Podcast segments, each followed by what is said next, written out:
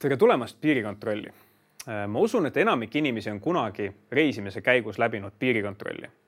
piirikontrollis uuritakse reisijate kohta infot. peamiselt küsitakse ja uuritakse dokumendi kaudu kolme küsimust.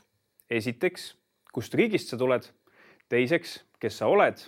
ja kolmandaks küsitakse, kuhu sa lähed?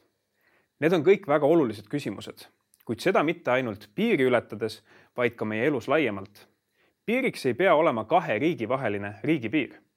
me võime igal hetkel oma elus tõmmata ajalise piiri mineviku ja tuleviku vahele ja küsida, kust ma tulen, kes ma olen ja kuhu ma lähen. Need on olulised küsimused, mis aitavad meil mõista, millise mineviku pagasiga me oleme, milliseks inimeseks me oleme kujunenud ning kuhu suunas me oma eluga liigume. just nendele kolmele küsimusele me keskendume täna algavas kolmeosalises uues seerias Piirikontroll täna küsin ma sinult, kust sa tuled? me kõik tuleme kuskilt, meil kõigil on oma geenid, oma keskkond, kus me oleme üles kasvanud. meil kõigil on unikaalne minevik. minevikule mõeldes eh, võime tunda ennast kas hästi ja tänulikult. samas võime tunda ennast halvasti asjade pärast, mis pole hästi läinud. on asju, mis ei ole kuidagi sõltunud meist, on asju, millest saame tunda uhkust või häbi kahjuks fakt on see, et minevikku muuta me ei saa. teadvustame me seda endale või mitte, kogu minevik on meiega pagasina kaasas. oluline on aga analüüsida, kui palju ja millises suunas me laseme oma minevikul mõjutada meie olevikku ja tulevikku. meie minevik ei pea defineerima meie tulevikku. lihtne öelda, raske teha. kust sa tuled? sellele küsimusele vastavad inimesed erinevalt.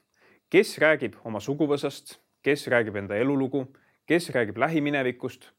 kuigi inimesi on erinevaid ja lugusid palju, siis saan täna mina jagada enda elu põhjal, kust ma tulen ja kuidas on minu minevik mind mõjutanud.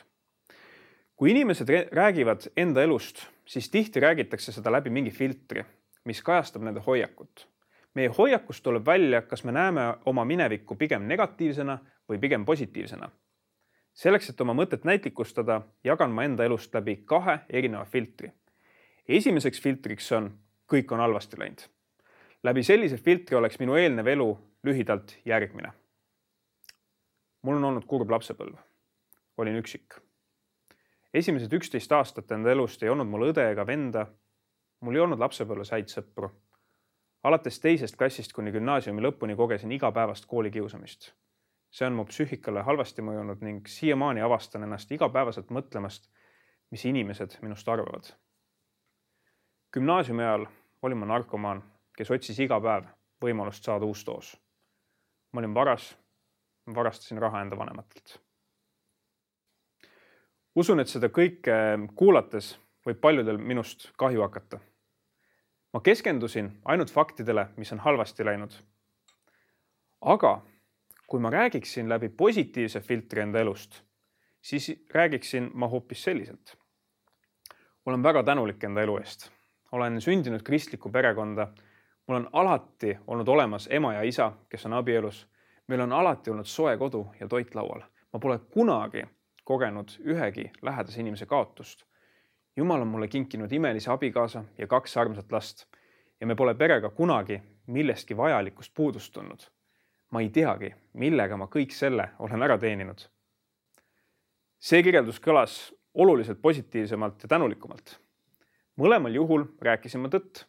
erines aga minu hoiak, erines see, millele ma enim rõhku panin, erines filter, läbi mille ma enda elu peale vaatasin. kas klaas on pooltühi või pooltäis? ühel juhul leidsime ainult põhjuseid, mis on halvasti läinud.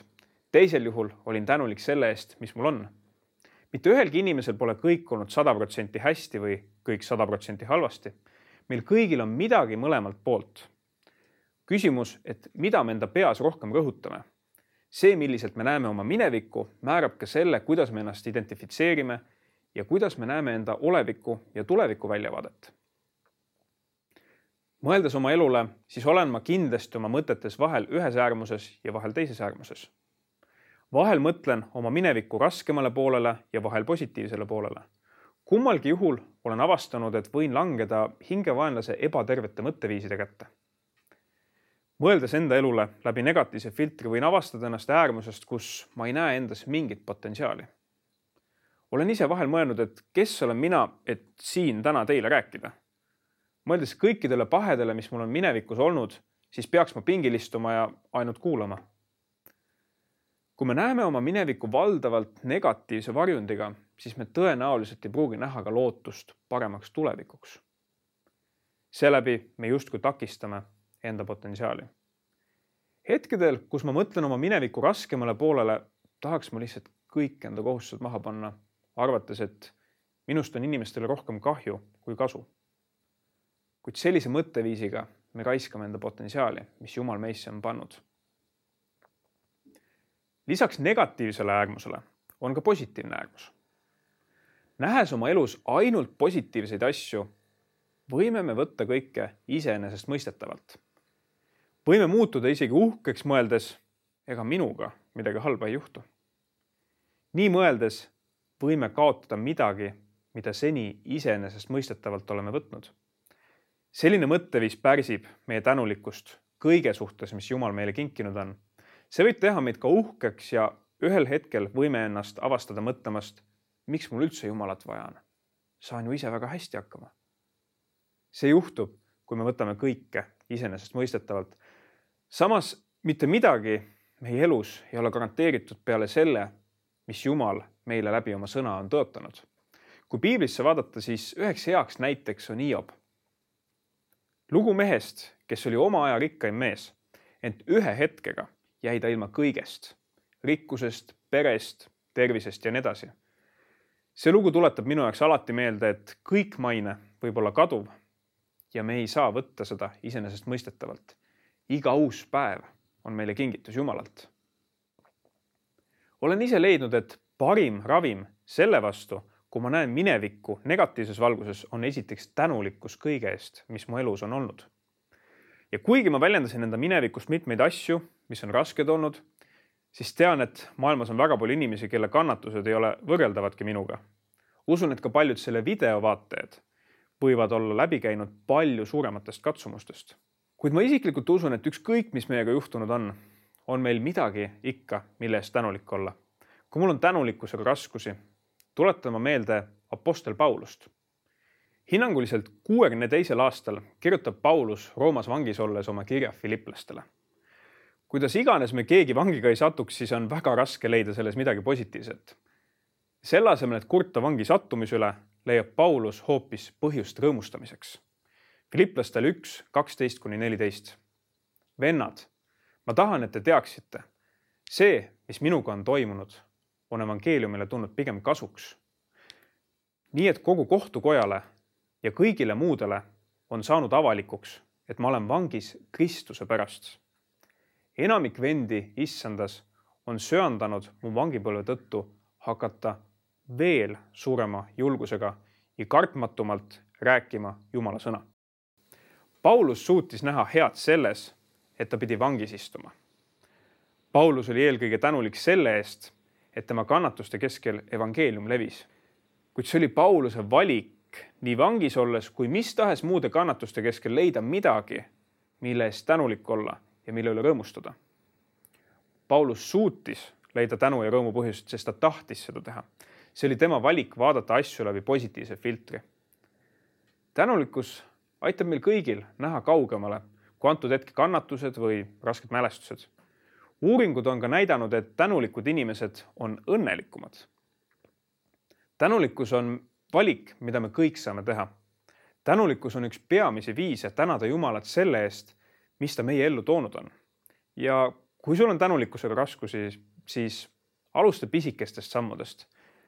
proovi leida igas päevas kasvõi üks tänupõhjus, mida väljendad Jumalale ja ümbritsevatele inimestele. mõeldes enda minevikule, võib meil nii mõnegi asja osas tekkida küsimus, et miks midagi juhtunud on. kuigi kõiki põhjuseid ei pruugi me mõista, siis äh, olen ise juba praegu enda elus näinud, et enda mineviku kogemus on aidanud mul mõista neid, kes on sarnaselt minule kogenud koolikiusamist või ka neid, kes on olnud ainetest sõltuvuses. ma saan tunnistada sellest, millisest minevikust mina läbi olen käinud. ja see annab lootust ka nendele, kes ei näe lootust enda olukorras.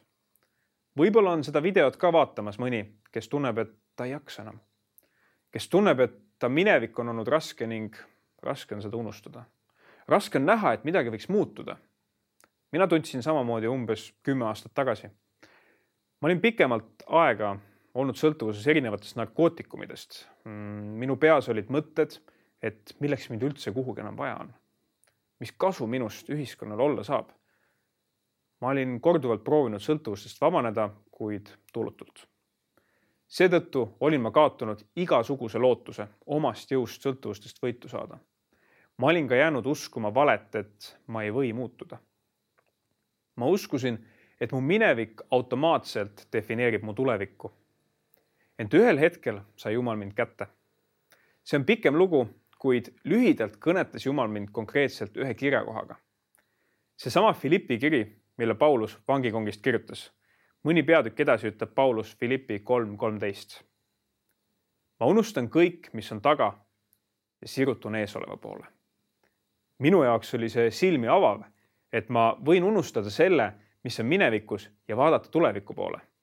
see andis mulle lootuse ma jagasin enda sõltuvustest esmakordselt ühele pastorile, kes ka minu eest palvetas ning alates sellest hetkest olin sõltuvustest vaba. veelgi enam, sain tänu Kristusele vabaks patuorjusest. muidugi ei olnud see nii lihtne ja lilleline, nagu võib tunduda. see kõik ei juhtunud iseenesest, vaid äh, see vajas ka minu pingutust. eelnevalt korduvalt mainitud Philippi kirja edasi lugedes ütleb Paulus Philippi neli kolmteist ma suudan kõik tema läbi, kes teeb mind vägevaks. meil on võimalik Jumala abiga murda oma minevikku, just Jumala abiga. ja siit tuleb välja minu jaoks üks müüt, mida inimesed arvavad kehtivat Jumala kohta. olen kohanud arvamust, et kui Jumal mind muudab, siis ma ise ei pea mitte midagi tegema. Jumal teeb minu eest kõik ära.